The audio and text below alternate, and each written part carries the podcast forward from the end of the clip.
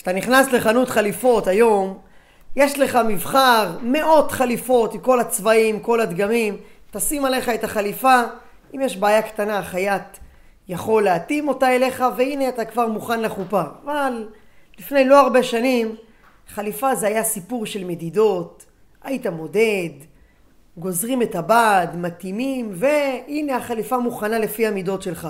אבל כובעים, מקבעות, היו מייצרים בשטאנץ, היו מייצרים כמות של כובעים, אתה נכנס לחנות, מודד את הכובע, הנה יושב עליך יפה, אתה משלם ואתה יוצא.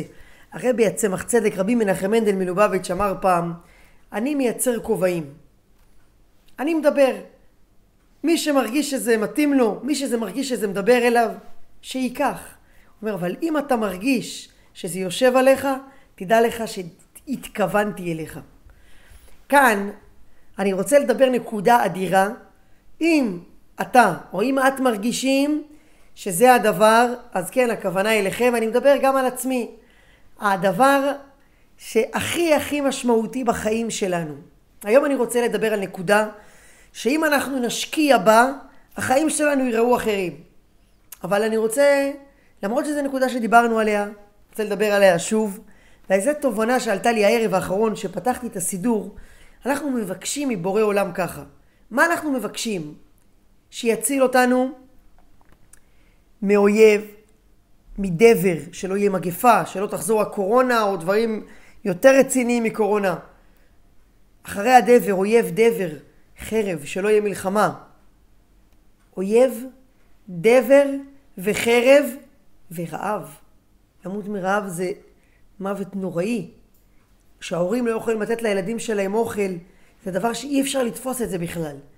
ואז אומרים, ריבונו של עולם, משהו חמור יותר, משהו קשה יותר. מה יכול להיות יותר קשה ממגפה, ממלחמה, מרעב?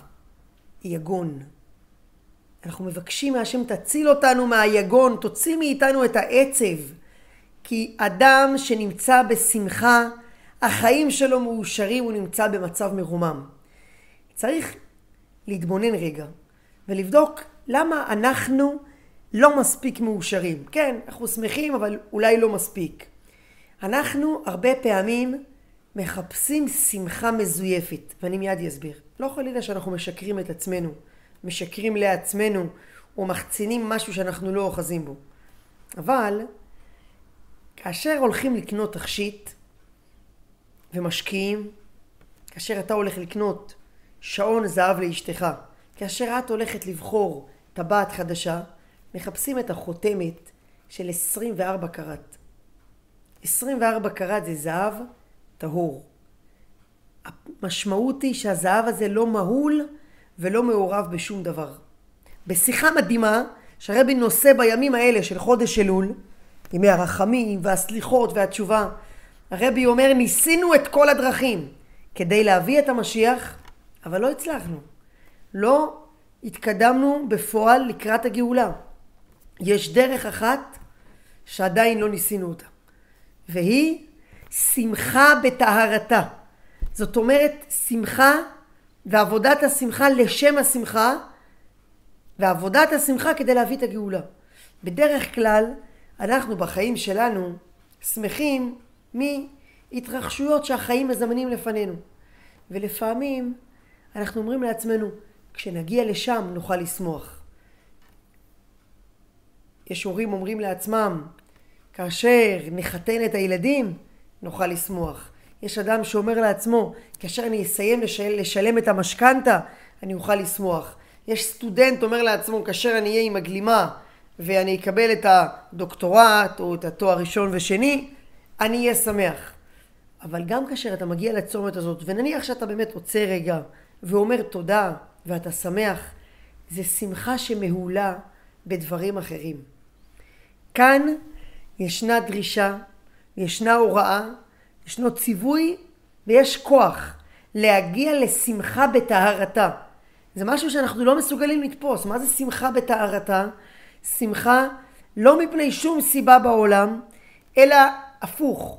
השמחה היא, היצ... היא הדבר הראשוני שבאמצעותה אנחנו רוצים להביא את המשיח.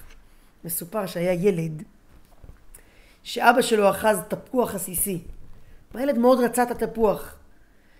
הילד נעמד ואמר, ברוך אתה השם, אלוקינו מלך העולם, בורא פרי העץ. לאבא לא נותרה ברירה, הוא נתן לו את התפוח. גם אנחנו נמצאים היום בזמן הגלות.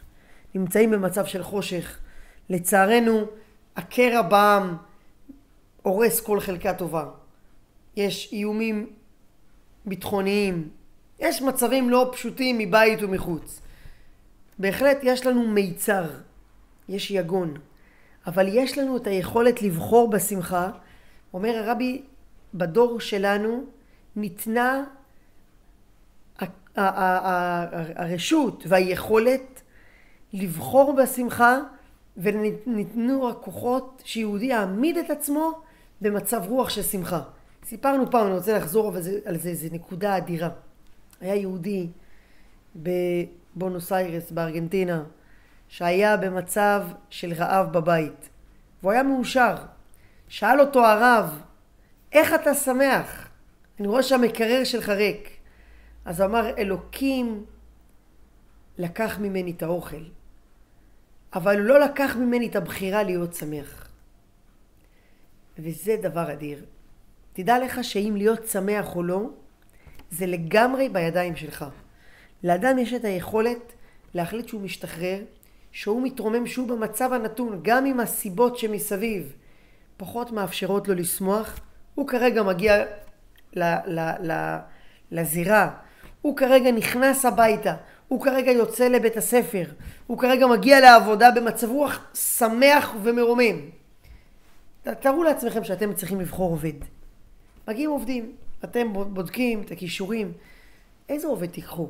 עובד שהוא מגיע עם חיוך, עם שמחה, עם אנרגיה חיובית, או עובד שהוא מוכשר ויש לו תעודות ויש לו רזומה, אבל הוא אדם שנראה פסימי, הוא אדם שמשרה אווירת נכאים. האם תיקחו עובד כזה לעבודה אצלכם? למה שאתם לא תהיו העובד הזה בשביל עצמכם? למה שאתם לא תהיו האיש השמח שמשנה את כל הסביבה שלו? האגדה החסידית מספרת שהיה יהודי שרצה מאוד לזכות לגילוי אליהו. הלך לבעל שם טוב, אמר לו, אני רוצה לראות את אליהו הנביא. אמר לו הבעל שם טוב, סע לעיירה פלונית, יש שם משפחה ענייה, תעשה איתם את חג הפסח. הגיע אותו יהודי, בערב החג דפק להם בדלת. אמר להם, שלום, אני רוצה להתארח אצלכם. אמרו לו, יש לנו בעיה קטנה, אין לנו עדיין כל כך מצרכים בשביל לארח אותך. אמר אין שום בעיה, מה הוא לא יעשה כדי לזכות לגילוי אליהו? הלך לשוק, עשה קנייה גדולה, מילא להם את כל הבית, ישב איתם לסעודת החג. כל החג הוא ציפה לראות את אליהו הנביא, לשווא. מוצאי החג הוא נסע לרבו, היה מאוכזב מאוד. אמר לו הרב תיסע אליהם בחג הבא. בחג הבא הוא כבר ידע לאן הוא מגיע, הוא מילא את העגלה בכל טוב ונסע והנה רגע לפני שהוא נכנס הביתה, העגלה נעצרת, פתאום הוא שומע שיח מתוך הבית, הילדים אומרים, אמא, אבא, מה יהיה? עוד מעט יש חג. ואבא אומר, אל תדאגו, אולי עוד פעם יבוא אליהו הנביא ויביא לנו את כל צורכי החג. החסיד נכנס אליהם הביתה, אבל הוא כבר הבין. הוא הולך להיות אליהו הנביא בשבילם. בעל התניא כותב בליקוטי תורה פרשת תצא, שגילוי הנפש, אם אדם מתגלה אצלו הנשמה, הכוחות הגבוהים שבנשמה, זה יותר גבוה מלזכות לגילוי אליהו. כי כאשר אתה מגלה את הנשמה שבתוכך, חוץ מזה שעל פי קבלה, על הנשמה באמת יש יתרון על המלאכים, אבל אתה בעצמך בוחר להיות כביכול האליהו הנביא לסביבה שלך. ואחד העניינים הבסיסיים בעבודת השם בכלל, זה עניין השמחה. וזה בדיוק פרשת השבוע, פרשת כי תבוא, כתוב שיש תוכחות ויש דברים לא נעימים. על מה זה מגיע? תחת אשר לא עבדת את השם אלוקיך בשמחה ובטוב לבב מרוב כל. אומר הארי ז"ל, תדע לך שהחיים שלך מלאי דבש. החיים שלך שמחים ואתה צריך לשמוח בעבודת השם בעולם הזה יותר אפילו מהשמחה והתענוגים שיש בעולם הבא. קצת כדי לסבר את האוזן מה היחס בין העבודה כאן לבין עולם הבא, היה, ככה אני ש... אה, אה, שמעתי שהאדמו"ר מגור, זיכרונו לברכה, זכר צדיק לברכה, נפגש פעם עם יהודי שהיה בחור ישיבה שעזב את, את הכל. והוא ביקש להיכנס לאדמו"ר. והוא אמר רבה אני לא מאמין באלוקים אמר לו למה תדבר ככה אז אמר אם יש אלוקים איך יכול להיות שאני שאני לא שומר שבת לא אוכל כשר לא צם ביום כיפור לא שולח את הילדים שלי לחינוך כשר מסתובב איפה שאני מסתובב וברוך השם יש לי אישה טובה, וילדים בריאים, ויש לי מותרות. במושגים של היום הוא היה מולטי מיליארדר. כל מה שאני צריך יש לי. וגם בריאות, ברוך השם, אני לא צריך לראות רופאים, ואני מאושר בחיים. אז איך יכול להיות שהחיים שלי כאלה יפים אם אני לא מקיים את התורה? אמר לו אדמו"ר מגור, למה אתה מתפלל? למה אתה חושב שזה סותר? אז הוא התחיל להגיד בעברה היידישאית, כמו שהוא היה מכיר, הוא אמר כתוב, ונוסעתם את הר ארציכם בעיתוי. כתוב, וחורו אף השעים בוכם, והוא צרס השומיים. כתוב שהקדוש ברוך הוא יעצור את השמיים, אם לא יקיימו. הנה, אני לא מקיים, לא לומד תורה, לא מקפיד על כשרות, לא שומר את השבת. החיים שלי יפים.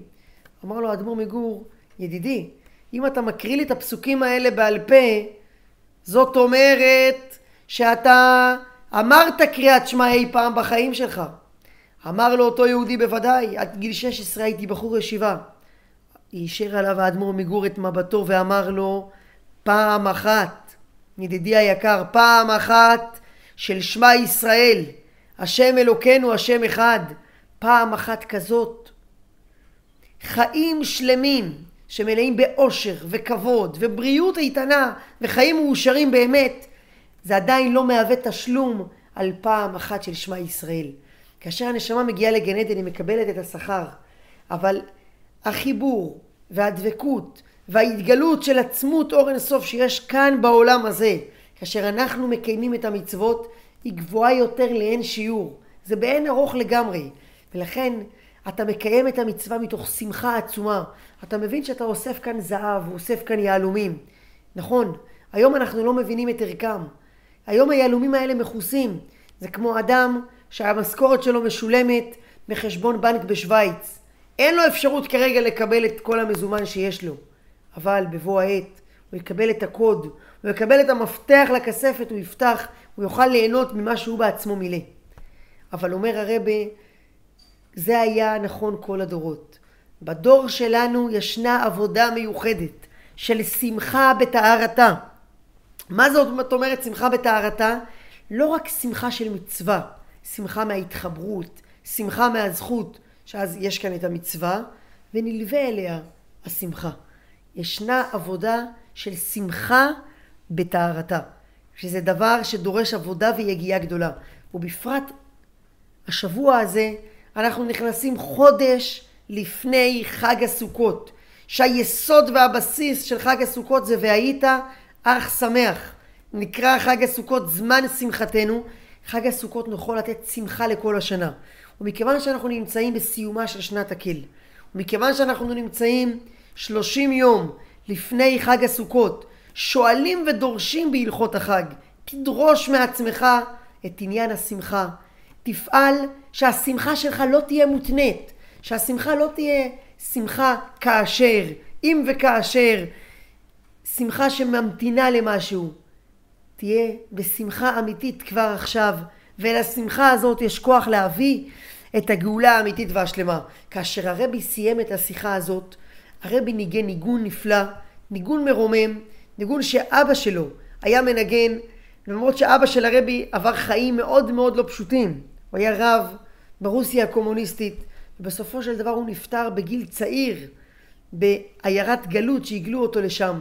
אבל כל החיים הוא היה בשמחה רגע רגע שעה שעה והניגון שלו זה הניגון ההקפות היי ילדה ילדה היי ילדה ילדה יא על ידי הניגון הזה על ידי השמחה הזאת זוכים תקף ומיד לגאולה האמיתית והשלמה שנהיה לכולם כתיבה וחתימה טובה שנה טובה ומתוקה שנה מבורכת שנה מוצלחת אם השנה הזאת הייתה שנה מוצלחת השנה הבאה תהיה מוצלחת שבעתיים, נזכה תקף ומיד להתגלות וביאת המשיח. שנה טובה.